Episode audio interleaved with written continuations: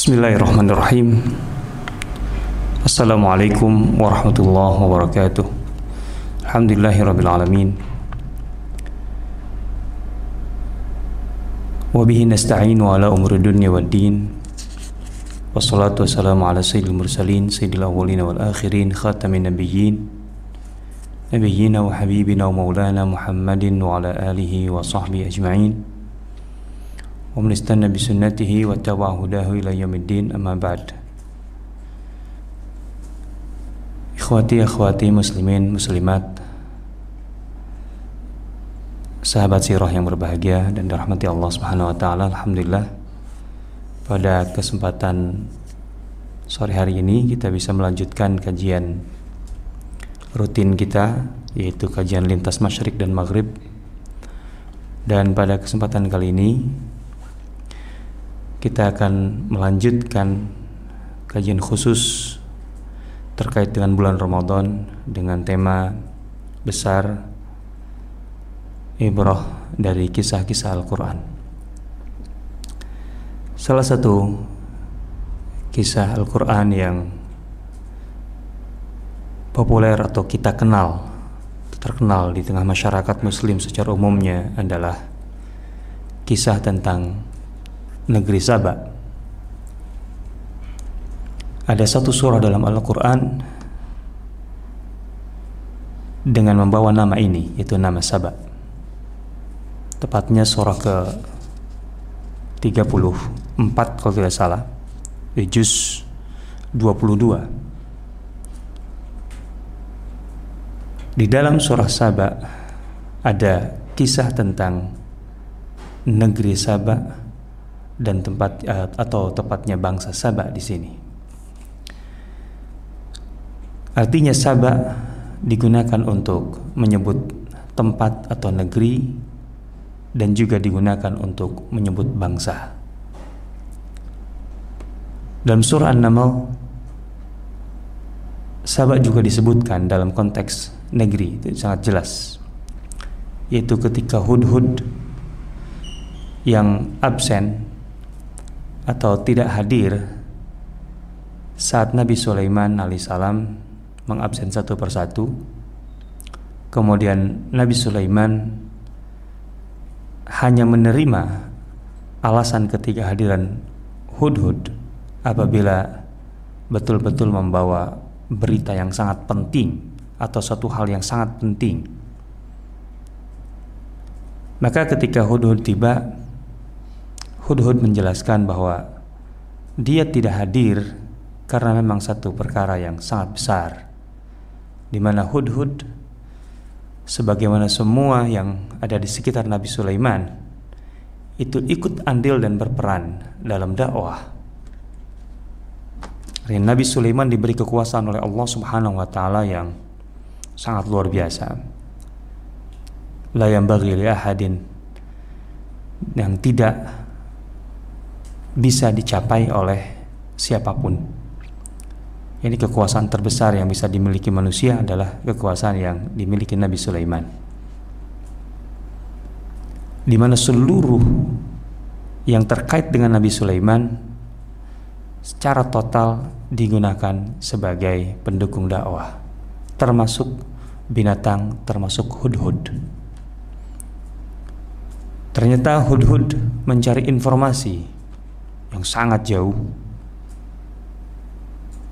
yang bisa kemudian dijadikan bahan untuk Nabi Sulaiman agar bisa mengembangkan dakwahnya. Dan Hudud sampai ke negeri Yaman.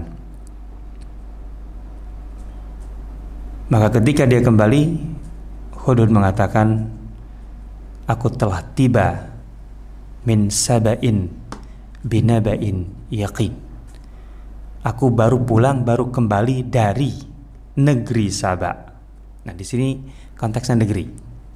Dalam surah 6 dengan membawa berita yang sangat meyakinkan, bukan hoax. Binabain yakin yaitu mendapati suatu kaum atau suatu bangsa yang juga disebut dengan bangsa Sabak yang hidup dengan segala kemewahan, kemakmuran, dan seterusnya tapi mereka tidak menyembah Allah, tidak bersyukur kepada Allah. Yasjuduna lisyams.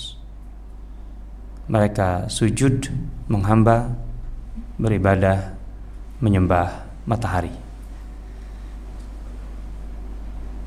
Dan penguasa mereka adalah imra'atan tamlikuhum, seorang wanita, berarti ratu yang menjadi penguasa atas negeri ini sekaligus bangsa ini.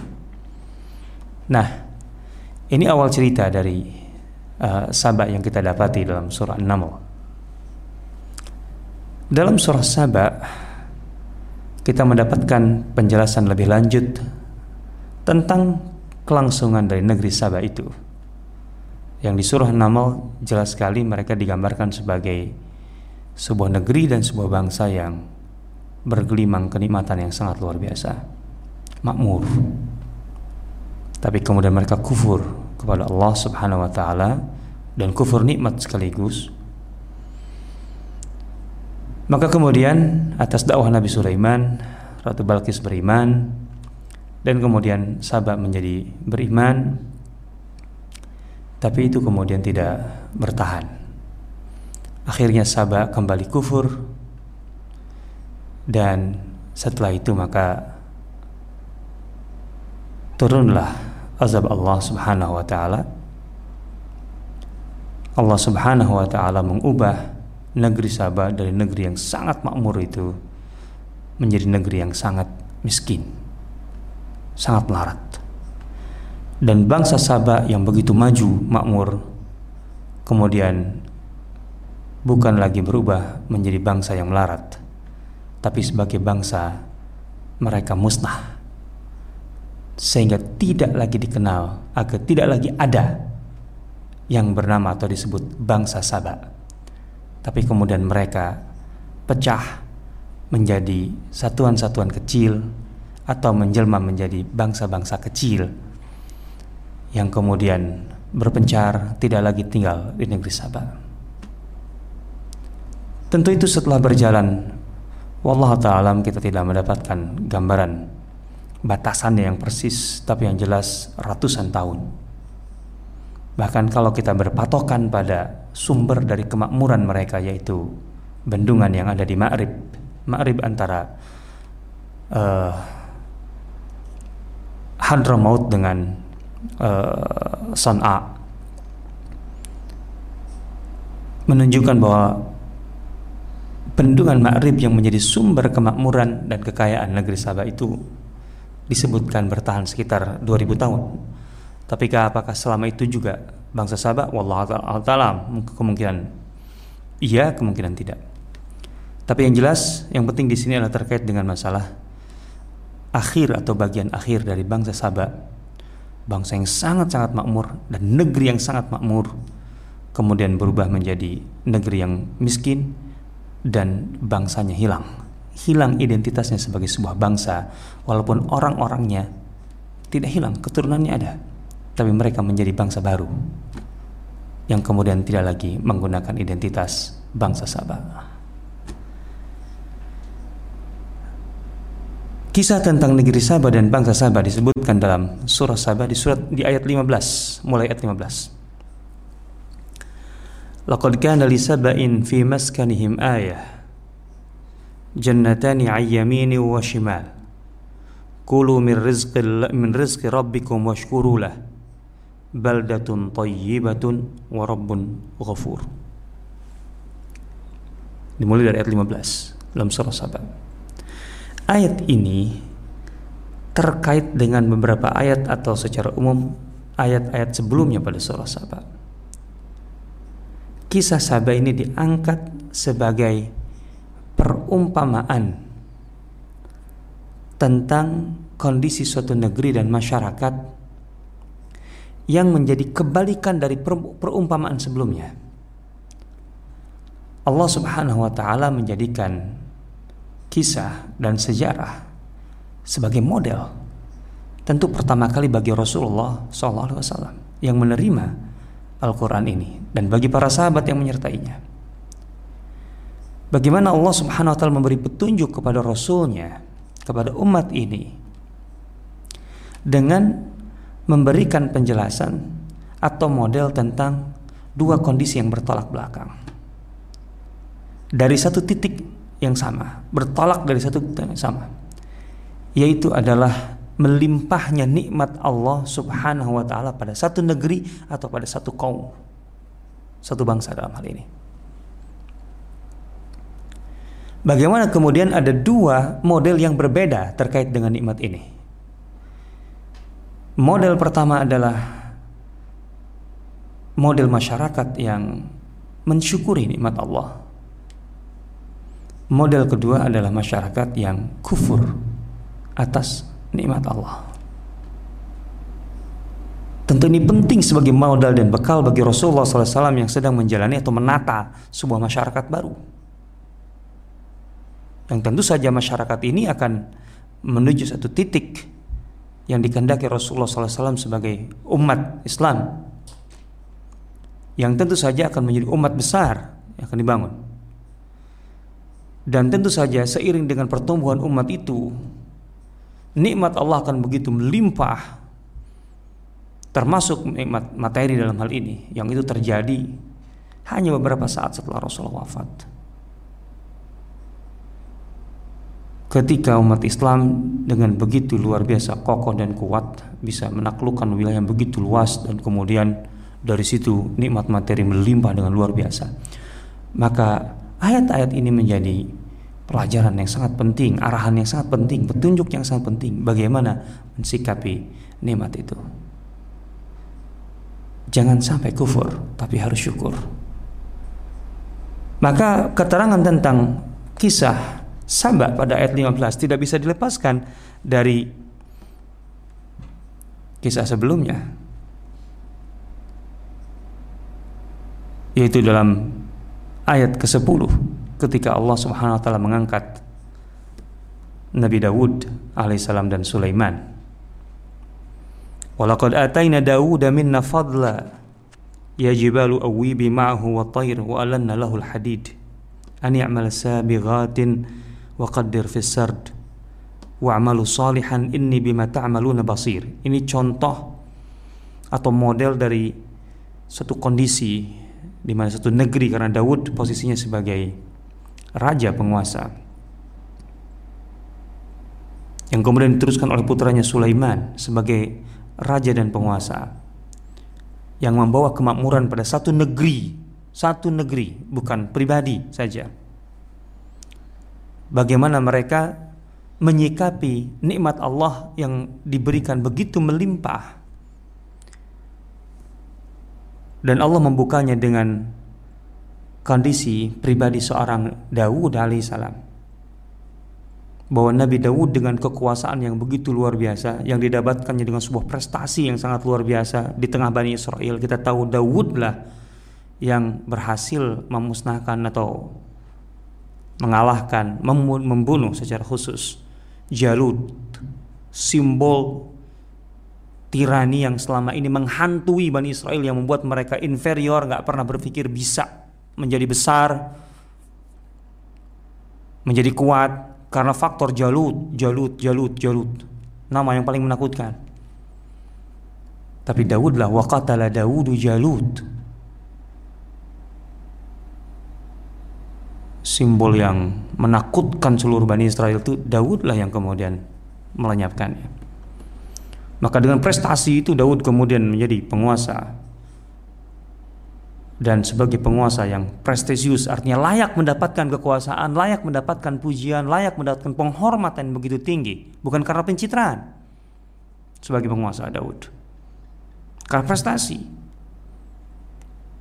Apa yang dilakukan Daud? dimulai dari ketika Daud menikmati atau uh, mensikapi segala kelebihan keunggulan itu dengan berzikir mengingat kepada Allah dengan seindah-indahnya suara Daud yang dikenal. Begitu indah. Sehingga Allah meminta ya jibalu awibi ma'ahu wa tair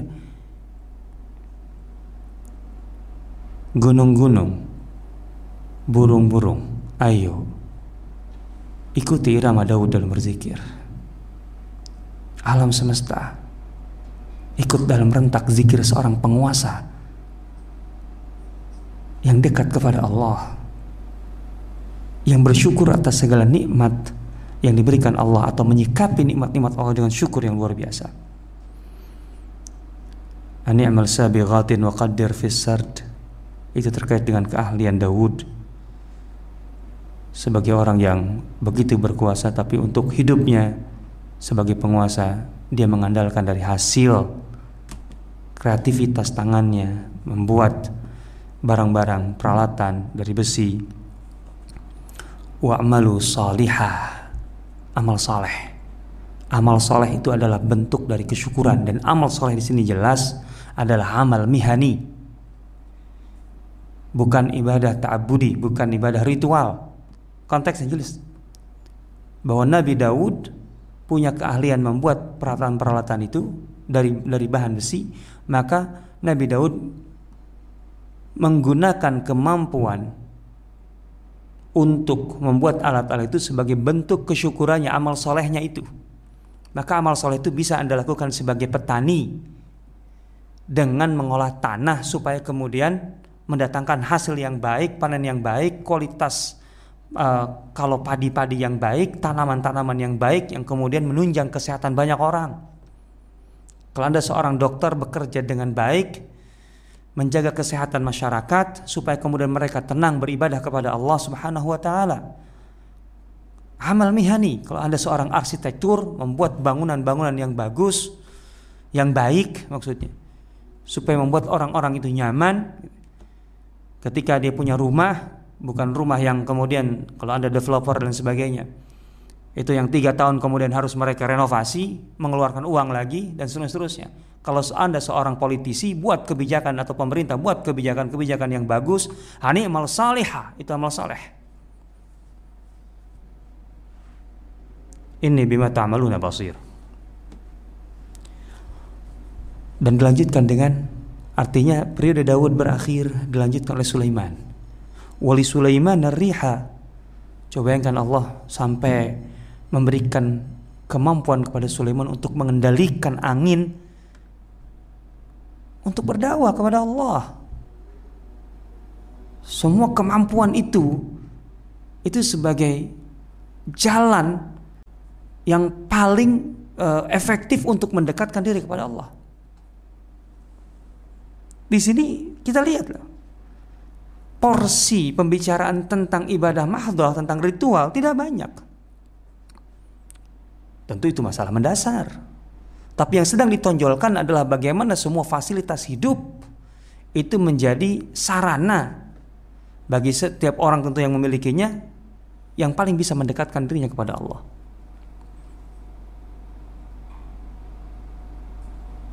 Kalau Anda seorang ahli keuangan, eh coba buat strategi keuangan yang kemudian dengan ilmu Anda itu Anda kemudian bisa mendekatkan diri kepada Allah. Kalau Anda seorang pengusaha, ayo bangun usaha atau bidang usaha yang dengan begitu cara begitu itu adalah kekhasan Anda yang uh, bisa mendekatkan Anda di mana tidak semua orang tidak bisa seperti Anda untuk dekat kepada Allah. Wali Sulaiman rih syahrun wa syahrun wa asalna alahu ainal qitri bahkan kekuasaannya dalam mengendalikan termasuk wa minal jinni may ya'malu baina yadayhi bi idzni sampai jin tapi semuanya untuk mendekat kepada Allah. Semua jenis kemampuan uh, profesional kita itu seharusnya menjadi ladang kesalehan kita. Amal saleh amal saleh jelas di sini. Wa amalus salihan terkait erat dengan itu. Jadi amal saleh tidak semata-mata ritual. Nah ini tentang contoh tentang satu model. Bagaimana nikmat Allah yang diberikan begitu melimpah itu disyukuri, yang hasilnya ya itulah melahirkan penguasa seperti Daud, seperti Sulaiman, dan kemudian bangsanya yang luar biasa sejahtera, maju dan seterusnya. Sebaliknya, Nah, di sini letaknya kita menempatkan sabak ketika diangkat itu. sebagai contoh atau model kebalikannya. Titik awalnya sama, sama-sama mendapat limpahan nikmat yang tidak terkira. Laqad kana li saba'in fi maskanihim ayah. Maskan adalah tempat tinggal atau negeri yang mereka tempati. Allah sampai menjadikan negeri Sabah itu sebagai ayah, sebagai tanda. Tanda apa? Terkait dengan nikmat yang melimpah itu. Jannatani itu badal dari kata ayat. Tanda dari kemakmuran yang itu merupakan anugerah Allah. Jadi anugerah Allah kepada suatu negeri tampak sebagai sebuah tanda ya tanda itu berupa jannatani ayyamini wa shimal ada beberapa uh, cara penafsiran para ulama terkait atau ada beberapa bentuk penafsiran maaf. Para ulama terkait dengan makna jannatani an yamin wa shimal. Dua uh, jannah kebun. Kebun dalam itu bukan sembarang kebun. Ini kebun yang sangat-sangat produktif. Yang sangat indah. Makanya sampai disebut jannah. Karena bukan sekedar ada tumbuh pohon-pohon. Tapi itu betul-betul kebun-kebun yang produktif. Kalau bahasa kita ya kalau berkebun tuh mungkin ya dia agribisnis. Sudah sampai pada tahap itu gitu. artinya sampai memakmurkan gitu. Sampai memakmurkan hasil dari kebun-kebun itu. Dan indah itu ya kan belum tentu kebun indah kan. Kita main di kebun belum tentu indah. Tapi kalau ini indah sudah indah memakmurkan. Nasib itu jadi pemandangan dapat kemudian kenyamanan hidup juga dapat. Jannatan ayyamin wa shimal. Ada bentuk beberapa bentuk penafsiran. Sebagian dalam keterangan dalam surah uh, tafsir Tahrir Ibnu Ashur mengatakan bahwa uh, rumah-rumah penduduk Sabah itu itu satu sama lain yang berjarak. Satu sama lain yang berjarak. Nah, di antara rumah dengan satu rumah lain, kanan kirinya itu itu adalah kebun-kebun yang indah dan sangat uh, subur itu. Itu maksudnya. Penafsiran lain maksudnya bukan begitu. Tapi di sepanjang jalan di pemukiman atau ya di negeri Sabah itu kanan kirinya itu kebun-kebun. Penafsiran lain bahwa negeri Sabah dalam hal ini ibu kotanya Ma'rib saat itu kota ini di kanan kirinya gitu ya. Artinya kalau kita masuk kota itu terus kemudian kita mau keluar, maka dikelilingi kanan kirinya itu dikelilingi oleh kebun-kebun yang luar biasa. Semua ini bisa menjadi bagian dari penafsiran terhadap uh, maksudnya jannatan ya yamin wa. Tapi yang pasti secara esensi bahwa ketika jannatan an yamin wa shimal tentu sumber ekonomi pada masa itu masih pertanian dan perkebunan kayaknya belum ada industri, belum ada uh, pertambangan dan seterusnya. Nah, maka ini bukan sembarang atau bukan sekedar kemakmuran tanah yang biasa atau keburan tanah yang biasa, hasil yang bisa. Karena Allah menyebutnya sebagai ayat. Sebagai tanda gitu. Dan tentu saja bahwa kemakmuran negeri Sabah sudah disebutkan sebelumnya.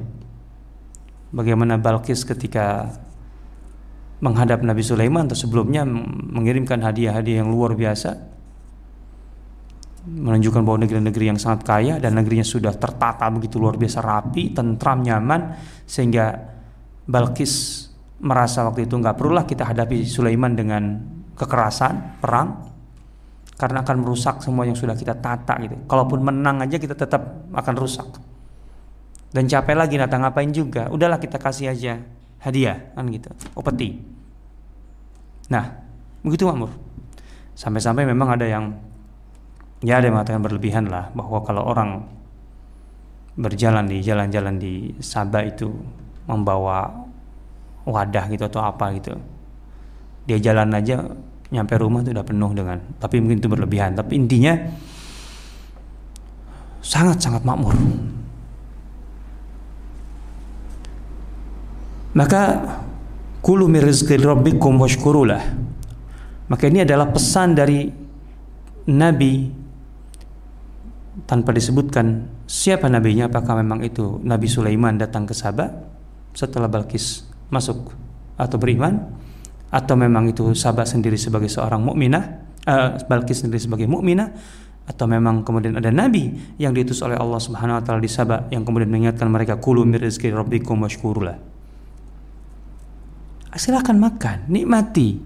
Tapi ingat dalam menikmati itu jangan pernah lepas dari dimensi syukur. Artinya sikap yang benar terhadap nikmat Allah itu syukur.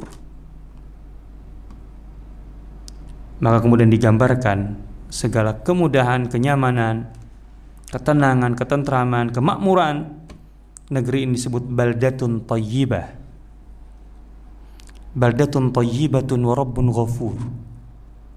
Tayyibah itu kalau uh, ya secara makna dasarnya kalau terkait dengan tanah itu artinya tanahnya itu mudah ditanami cocok dengan masyarakatnya artinya uh, yang menanaminya gitu. sehingga kemudian hasilnya melimpah tayyibah gitu. dan dalam kata tayyib itu ada kata tib tib itu kan parfum wangi bukan berarti berbau wangi tapi uh, ya di situ ada makna lebih dari sekedar menghasilkan tapi ada uh, keindahan, ada elegan lah intinya. Negeri ini luar biasa. Baldatun tayyibatun wa rabbun ghafur. Tentu ketika masih mereka bersyukur. Ini yang terjadi dengan sahabat. Tapi dalam perkembangannya fa'aradu. Maka mereka kemudian menolak berpaling. Artinya dalam perjalanan dan itu bisa berjalan ratusan tahun atau mungkin setelah uh, peristiwa ini puluhan tahun wallahu taala alam. Tapi yang penting adalah pergeseran dari sebuah masyarakat yang atau bangsa yang bersyukur menjadi kufur. Fa'aradu. I'rad menolak berpaling itu karena ada ada panggilan, ada ajakan. Artinya mereka diseru oleh dai-dai atau bahkan mungkin nabi wallahu taala alam. Uh, tentu kita tahu bahwa dari semua nabi yang diutus Allah lebih banyak nabi yang tidak diceritakan oleh Allah kepada kita. Artinya yang kita tahu ketahui lebih sedikit, jauh lebih sedikit daripada yang tidak ketahui.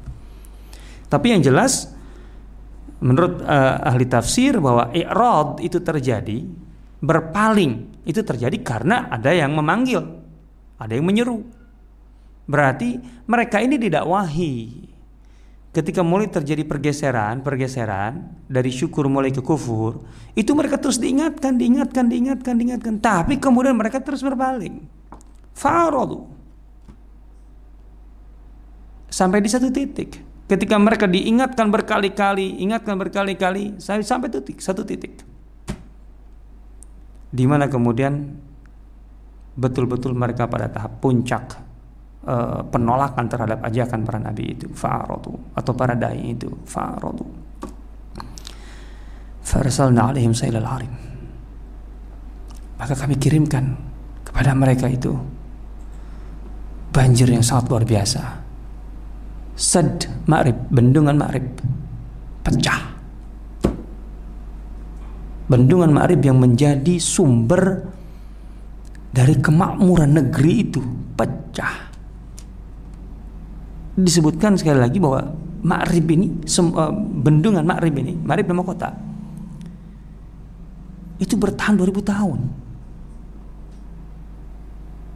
Kemudian pecah setelah ini ya. ketika mereka diingatkan berkali-kali kemudian atau sekian lama kemudian mereka menolak menolak menolak akhirnya Allah mengirimkan banjir yang luar biasa itu dengan pecahnya bendungan itu. Seberapa besar sih Ma'rib sangat besar. Disebutkan bahwa Ma'rib ini menampung air dari 70 sungai yang ada. Wallah alam dari mana saja tentu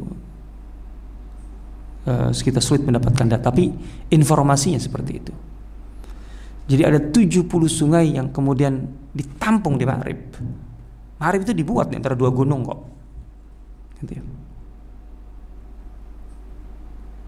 Sehingga itu membuat mereka bisa uh, menampung debit air yang begitu besar dan tetap bisa mengairi karena mereka punya sistem irigasi kemudian bisa mengairi ladang-ladang atau kebun-kebun mereka sepanjang musim panas dan musim uh, gugur. Di musim dingin, gitu. musim semi, tentu ada hujan, apalagi Yaman. Tapi setelah itu kemudian habis. Artinya, ini kan singkatnya kufur nikmat. Singkatnya kufur nikmat. Bagaimana proses kufur nikmat itu? Apakah semata-mata mereka tidak menyembah Allah? Tentu enggak. Artinya bahwa kemudian mereka pun juga uh, disebutkan ada semacam ikhtilal, ada semacam kecerobohan dalam uh, sistem irigasi, tidak lagi sebaik sebelumnya dan seterusnya. seterusnya. Cuma memang ini berproses tidak setahun dua tahun, gitu loh. Perubahan ini terjadi lama sebuah masyarakat. Jadi jangan berpikir kalau kita sekarang faktanya banyak negeri-negeri yang kufur yang ingkar kepada Allah itu tetap makmur. Tetap makmur itu memang kita ukur dalam ukuran berapa tahun? 10, 20, 100, 200. Kalau kita bicara kemakmuran, taruhlah acuan kita barat. Negara barat yang pertama kali makmur itu Portugal. Abad ke-15 dia sudah mulai makmur. Kemudian Spanyol. Abad 16, abad 17. Oh, itu dua negara yang sangat makmur sekali. Tapi sekarang saja untuk ukuran Eropa Barat, Portugal negara miskin. Spanyol sudah ekonomi jeblok di bawah dibanding negara-negara Eropa lainnya yang seperti Jerman, seperti Prancis. Jadi jangan berpikir mereka tetap makmur enggak juga memang perbandingannya dengan kita iya gitu ya tapi kalau mereka dari hitung dari sebelumnya mereka jauh lebih makmur kota Sevilla. Sevilla itu pernah disebut kota emas. Bangunannya apa semuanya itu dari modal emas dan banyak emas yang kemudian mereka buat terutama untuk tempat-tempat ibadah mereka. Gereja-gereja itu banyak terbuat emas patung-patung dari emas. Maka pernah buat itu. Tapi sekarang nah itu. Jadi jangan berpikir karena ini bisa berjalan lama yang begini ini. Bisa berjalan ratusan tahun. Gitu ya jadi jangan berpikir bahwa faktanya enggak kita ini hidup cuma berapa tahun sih di dalam kehidupan ini paling 70 tahun kan sementara peradaban terus berjalan ketika kita belum ada dan kita setelah ada kan nah itu dia tapi suatu kepastian kalau satu negeri itu kufur atas nikmat Allah, pasti hancur.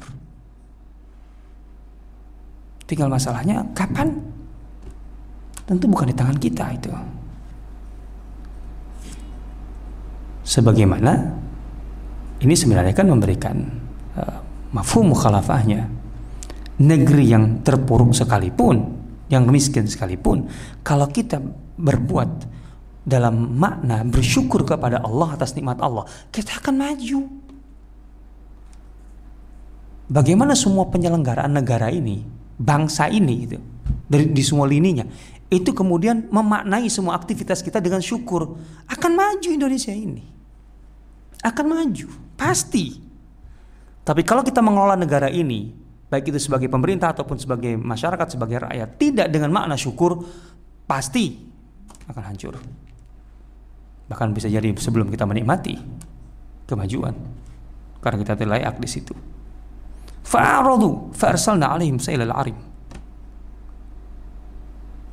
Maka kemudian banjir yang begitu besar itu mengikis kesuburan tanahnya mengubah kemudian iklim daerahnya wilayahnya. Kemudian hujan menjadi tidak lagi uh, sepadat atau sekerap sebelumnya dan seterusnya,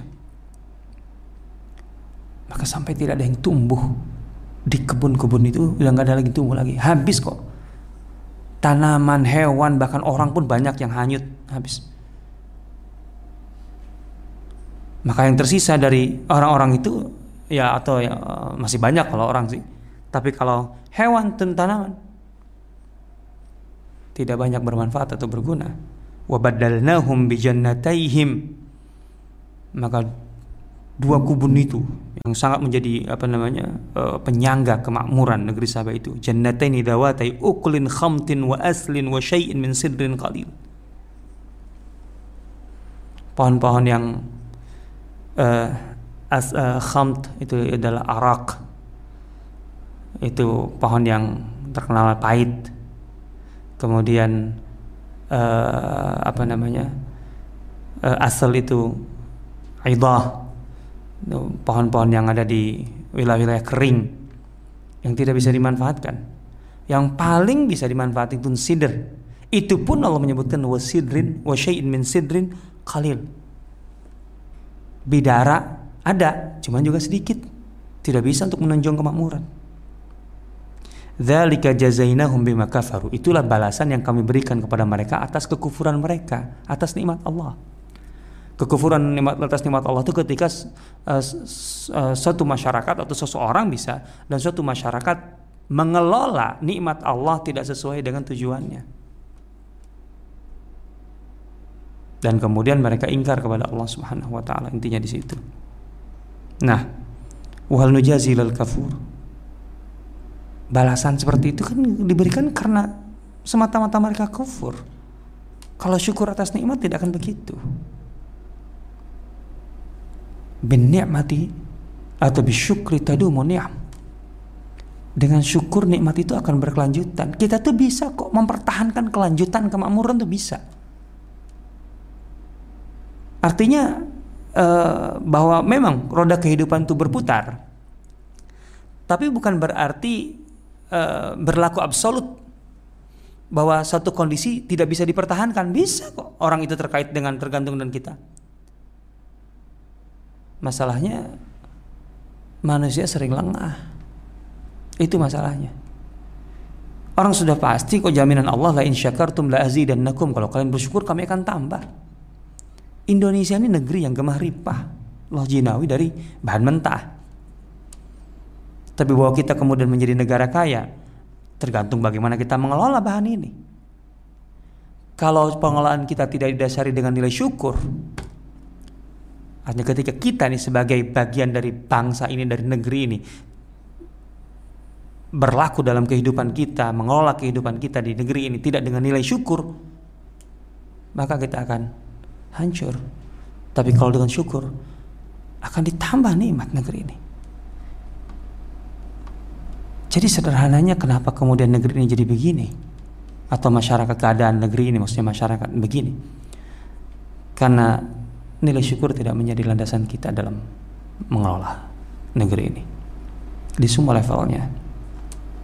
Dan kalau ada enggak yang di level ini bersyukur, tentu di situ hukum perimbangan. Penting hukum perimbangan. Bahwa ada yang bersyukur tapi yang lainnya kufur dan yang lebih kufur lebih, yang kufur lebih besar, lebih berkuasa. Ini dia. Karena alasan ini. Waja'alna bainahum wa bainal qura Lati barakna fiha quran zahirah wa qaddarna fiha sayir Ini nikmat lain yang diberikan oleh Allah selain melimpahnya hasil bumi dan sebagainya. Itu adalah kenyamanan tentu hasil bumi itu menjadi modal mereka untuk kemudian meraih keuntungan yang jauh lebih besar yaitu dengan perdagangan. Maka disebutkan bahwa perdagangan orang-orang Sabah waktu itu itu sudah sampai mencapai Syam. Dan Syam negeri yang sangat luar biasa penting dalam dunia perdagangan karena itu adalah lintas negara bahkan lintas benua. Sehingga orang dari mana-mana datang atau orang dari situ akan membawa barang ke mana-mana sehingga kalau satu negeri bisa mencapai pasar Syam gitu ya itu akan sangat luar biasa perekonomiannya. Dan Sabah dengan modal apa namanya hasil bumi mereka yang melimpah mereka mencapai Syam. Wal qura allati al qura allati barakna fiha. Itu Syam dalam uh, penafsiran. Nah Dan untuk mencapai Syam dengan jarak lebih dari 1000 2000 km itu dari Sabah, mereka itu dipermudah dengan kemakmuran yang mereka miliki dan manajemen perjalanan di mana disebutkan bahwa orang-orang Sabah itu membangun tempat-tempat peristirahatan. Gitu, tempat peristirahatan. Di beberapa tempat yang kemudian di situ ada pemukiman-pemukiman kecil sehingga di setiap tempat itu mereka bisa beristirahat dengan nyaman untuk sampai ke Syam yang jaraknya ribuan kilometer. Atau memang di sepanjang itu karena menjadi jalur perdagangan yang uh, katakanlah uh, penting, gitu, ya, maka mereka tentu menuju Syam melalui melalui Tihamah, Hijaz, gitu ya. Itu dari San'a uh, mereka menembus bagian barat Jazirah Arab, gitu sampai kemudian ke Syam Eh, baik itu langsung ke Palestina atau mereka berbelok untuk masuk ke Busra, kemudian ke Damaskus dan lain sebagainya. Di sepanjang itu ada Qura Zahirah. Sampai digambarkan Qura Zahirah. Ada kampung-kampung pemukiman-pemukiman yang tampak kelihatan. Sehingga seorang musafir itu ketika mereka mulai perjalanan tapi kemudian dari kejauhan sudah nampak satu tempat peristirahatan atau negeri kan menjadi nyaman tapi kalau betul-betul kosong, wah itu kan luar biasa. Belum lagi kalau itu adalah kota-kota, gitu ya. Artinya ada ada ada ada persinggahan, bisa jadi juga kota-kota, tempat mereka bisa berjualan, menukar barang di situ, sehingga kemudian keuntungan mereka bisa berlipat-lipat. Ini bagian dari kemakmuran atau uh, ya dari, dari kemakmuran dan kemajuan ekonomi negeri Sabah dan bangsa Sabah. Wa qaddarna fiha sair sehingga perjalanan itu bisa diukur. Siru fiha layali wa ayyaman aminin aman nyaman kurang apa itu? Hasil bumi melimpah perdagangannya uh, begitu uh, meriah gitu. Kemudian perjalanannya aman itu semua adalah unsur-unsur penting dalam ekonomi pertumbuhan ekonomi. Tapi kemudian mereka lagi-lagi kufur. Sehingga ketika diingatkan dengan begitu mereka kemudian ah nggak peduli amat tuh nggak penting. Mereka nggak menganggap itu sebagai bagian dari nikmat. Mereka kufur. Faqalu Rabbana ba'id baina asfarina wa dhalamu anfusahum. Apa-apa jauh juga. Mereka pikir nikmat yang sudah rutin kayak gitu itu itu akan selalu terberi. Ini adalah kelengahan ketika suatu masyarakat di level tertentu di generasi tertentu sudah merasa nyaman dan kenyamanan itu dia warisi dari sebelumnya dan dia merasa bahwa kenyamanan ini memang karena milik kita itu sudah ter, sudah terberi di sini mulai kelengahan dan ketika dengan gaya hidupnya yang kemudian mereka menyimpang itu diingatkan oleh dai-dai dan sebagainya mereka menolak bahkan nggak apa-apa jauh juga. Wadzalamu anfusahum. Maka apa yang terjadi? Negeri ini dan bangsa ini habis. Faja'alnahum ahadith. Maka negeri Sabah yang begitu makmur dan bangsa Sabah yang ekonominya begitu maju dengan pasar-pasar yang mereka capai itu sampai ke Syam dan kemudian perjalanan begitu aman aman dan nyaman menguntungkan itu itu tinggal cerita ahadis tinggal cerita tinggal cerita bahwa pernah ada, pernah kakek kita begini, buyut kita begini. Ahadis, ahadis. Artinya mereka tidak lagi menjadi sebuah fakta atau kenyataan. Sabah sudah tidak ada lagi yang seperti itu. Bukan berarti kemudian bangsa Sabah itu musnah dalam arti orang-orangnya habis sama sekali mati semua. Enggak. Mereka beranak pinak. Tapi wa mazzaqnahum kulla mumazzaq mereka tidak lagi menjadi satu bangsa Sabah. Kami cabik-cabik. Kami robek-robek mazaknahum kulla mumazzaq. Gitu. Kulla itu menunjukkan banyak. Ya dulu ala makna kathir. Jadi bukan seluruh kul itu. Jadi banyak. Dari Sabah itu disebutkan kemudian tumbuh atau menjelma menjadi sepuluh kelompok bangsa baru. Ada Azd, ada Madhij, ada Ash'ariyun, kemudian ada lakhm, ada bajila, ada ghassan, ada khuza'ah, judam, dan dan dan seterusnya. Dan ini kemudian kita kita mengenal bahwa ini bangsa Ghassan. Bangsa Ghassan itu yang tinggal di wilayah yang berdekatan atau menempel jazirah Arab yang menempel dengan uh, Romawi. Kemudian Khuza'ah itu ke Tihamah. Mereka ke dekat ke Hijaz, ke sekitar Hijaz. Gitu. Ya. Azd itu ke timur dan kemudian sebagiannya mereka masuk ke Hijaz yang menjadi Aus dan Khazraj. Tapi ada mengatakan Aus dan Khazraj dari Lakhm bukan dari Azd. Allah kulihal. Intinya mereka kemudian menjadi satuan-satuan baru, bangsa baru dengan identitas baru. Khuza'ah dengan Lakhm dengan Judam dengan Ghassan itu tidak bisa lagi disamakan. Di zaman Rasulullah SAW sudah sudah uh, itu sudah identitas baru. Ini orang Ghassan, ini orang Khuza'ah itu sudah beda. Karakter budayanya juga beda. Padahal mereka semuanya berasal dari satu induk, yaitu Sabah. Jadi jangan berpikir mustahnya suatu bangsa itu sesuatu yang sulit terjadi. Apalagi tidak mungkin terjadi. Satu bangsa yang menaungi banyak kelompok masyarakat itu bisa hilang. Karena identitasnya yang hilang. Karena banyak faktor. Faktor ekonomi, faktor budaya, faktor dan seterusnya. Sehingga mereka kemudian menjadi pecahan-pecahan kecil, serpihan-serpihan kecil yang kemudian membentuk identitasnya masing-masing dan satu satu sama lain kemudian tidak akur dan seterusnya. Jangan pernah berpikir bahwa bangsa Indonesia itu akan abadi. Artinya ini adalah sebuah rekayasa sosial bisa terjadi bahwa bangsa Indonesia itu bisa hancur kalau kitanya kemudian tidak merawat sebagai sebuah bangsa. Merawatnya gimana? Jangan bersyukur. Allah memberikan fasilitas luar biasa negeri ini. Ketika Anda menjadi seorang pengusaha di Indonesia, bangun usaha Anda dengan nilai syukur. Ketika Anda seorang manajer, eh, seorang manajer, manajemen dengan syukur. Ketika Anda seorang eh, guru, pendidik, pendidikan dengan syukur, dengan landasan syukur itu. Ketika Anda seorang politisi, bermain politiklah dengan landasan syukur. Ketika Anda seorang pemerintah, pejabat, Buat kebijakan dengan nilai syukur. Dengan begitu bangsa ini akan terjaga. Ini satu-satunya cara untuk mempertahankan kita sebutnya NKRI atau apalah terserah. Tapi kalau tidak, wa mazzaqnahum kulla mumazzaq. Wa ja'alnahum ahadis.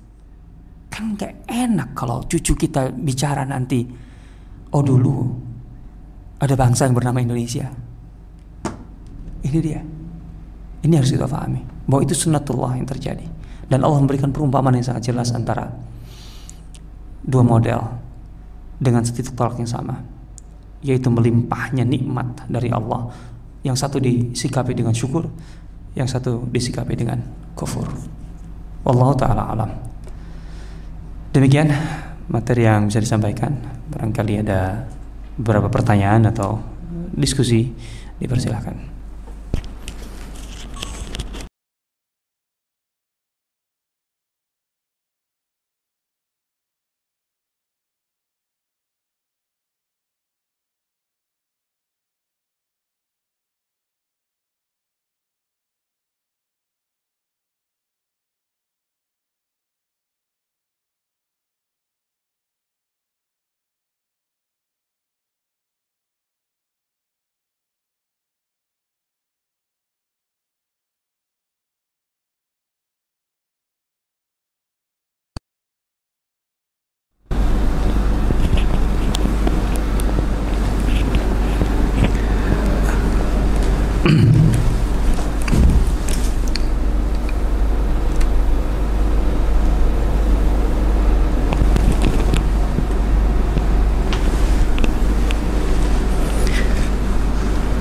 Baik, mohon maaf uh, sahabat Sierra Community ada kendala sedikit. Baik, untuk pertanyaan yang pertama dari Leni Marlina. Begitu banyaknya kekufuran yang dilakukan oleh bangsa-bangsa di dunia, termasuk Indonesia. Wabah yang terjadi saat ini apakah merupakan azab Allah dan apakah ini merupakan tanda kebangkitan Islam? Bagaimana mengaitkan wabah dengan tanda kebangkitan Islam? Tentu tanda itu kalau kita bicara kebangkitan ya dari kitanya. Artinya kita telah berbuat apa untuk kemudian menjadikan ini sebagai tanda kebangkitan? Terpuruknya satu negeri, atau satu kelompok masyarakat atau negara atau bangsa itu belum tentu berguna bagi yang lain. Atau tepatnya belum tentu berguna bagi yang tidak siap. Kalau kita bicara tentang kebangkitan umat Islam, ya kitanya mempersiapkan kebangkitan itu atau tidak.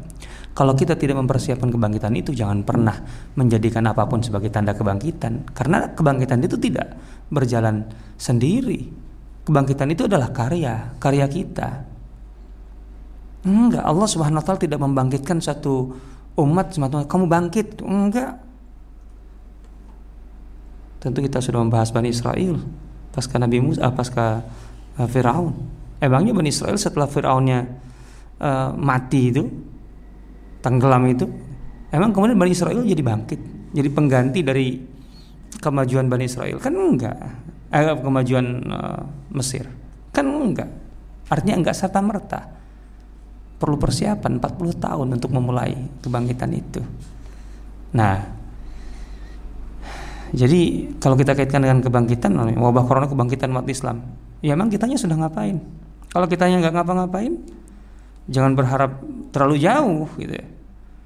Artinya bahwa kemudian dengan hmm, Allah Taala barangkali dengan wabah ini akan ada satu peradaban yang hilang gitu. Ya. Maka akan muncul peradaban baru atau pengusung peradaban baru yang lebih siap gitu ya atau yang paling siap di antara yang ada. Allah taala. Apakah setelah ini dominasi dolar habis hancur? Emang kalau dolar hancur kemudian rupiah yang naik? kan nggak begitu hukumnya. Maka yang lebih siap gitu ya mempersiapkan dominasi mata uang di dunia atau dominasi perdagangan. Nah gitu. Kita nggak tahu apakah Cina lebih siap daripada yang lain. Nah, ini adalah kulihat. Uh, jadi tidak serta merta gitu kehancuran satu bangsa itu otomatis menjadi anugerah bagi bangsa yang lain. Dalam hal ini nggak mesti bangsa ya, umat, ya, umat Islam sebagai umat. Ya kitanya yang harus melakukan sesuatu untuk bangkit, bukan menunggu kehancuran yang lain. Gitu. Kalau kita bangkit, yang lain masih nggak hancur juga nanti kalah sendiri kok. Artinya akan kalah juga karena kitanya bangkit.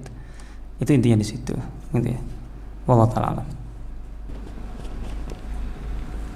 Selanjutnya pertanyaan kedua dari Cecep Udan. Assalamualaikum Ustaz. Assalamualaikum. Maaf mau nanya, betulkah kerajaan Sabah itu ada hubungannya dengan Borobudur? Apakah betul wilayah Sabah itu Indonesia zaman dulu? Kalau Sabah itu ada kaitannya dengan Borobudur atau disebut Wonosobo. Terus gimana kita menafsirkan ayat ini waja'alna bainahum wa bainal qura allati barakna fiha quran zahirah dan kami jadikan antara mereka negeri Sabah dan bangsa Sabah ini dengan negeri-negeri uh, yang kami berkahi di sekitarnya. Ayo, kalau itu di Wonosobo negeri yang diberkahi yang mana? Madiun kah atau kemudian jadi Pekalongan kah atau Cirebon? Ya Kuningan kali jangan-jangan uh, apa kampung saya kali. Gitu penafsirannya?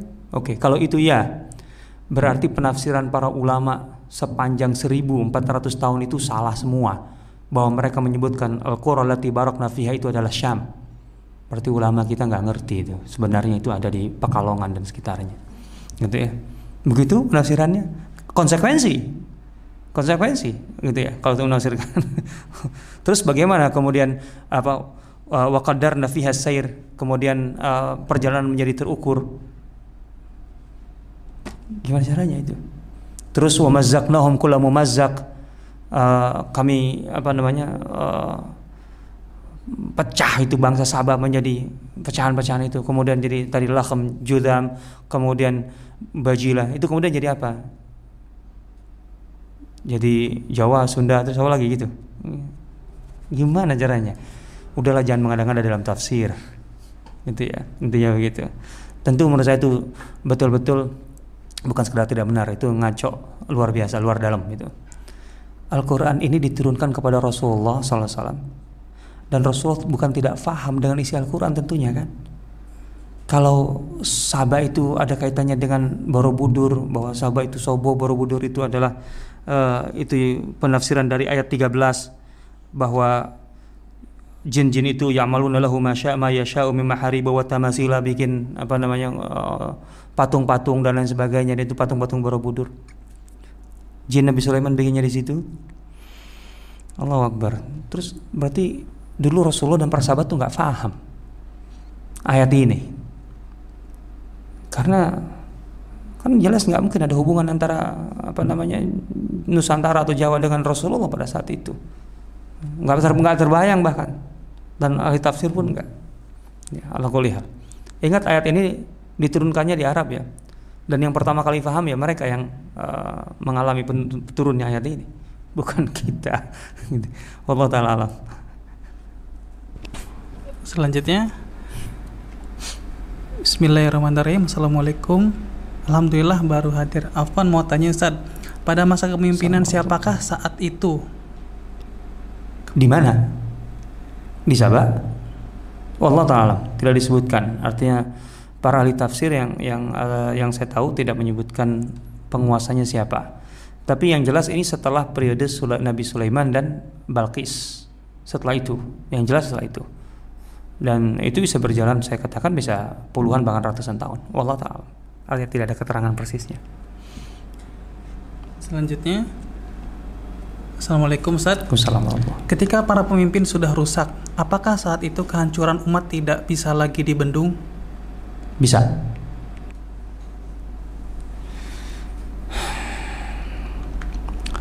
Allah sendiri yang menyatakan dalam Al-Quran bahwa ketika Allah hendak menghancurkan suatu negeri itu amar nemut rafiha maka elit-elitnya itu membuat kerusakan yang disebut dengan fafasaku fiha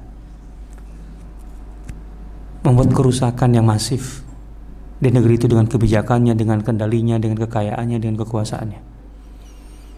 Itu adalah memang uh, peringatan tentang akan kehancurnya sebuah negeri. Tapi Allah mengatakan bahwa Allah tidak akan menghancurkan suatu negeri selagi penduduknya masih ada yang yuslihun, muslihun. Tetap konsisten berkomitmen untuk memperbaiki keadaan yang rusak jangan pernah mendiamkan kerusakan, kemungkaran. Jangan pernah ridho menerima kemungkaran. Itu kuncinya. Kalau kita sudah ridho, otomatis itu parah, sangat parah. Atau bahkan mendiamkan, tentu mendiamkan bagian dari ridho tentu bagian. Kan itu. Walaupun belum full gitu.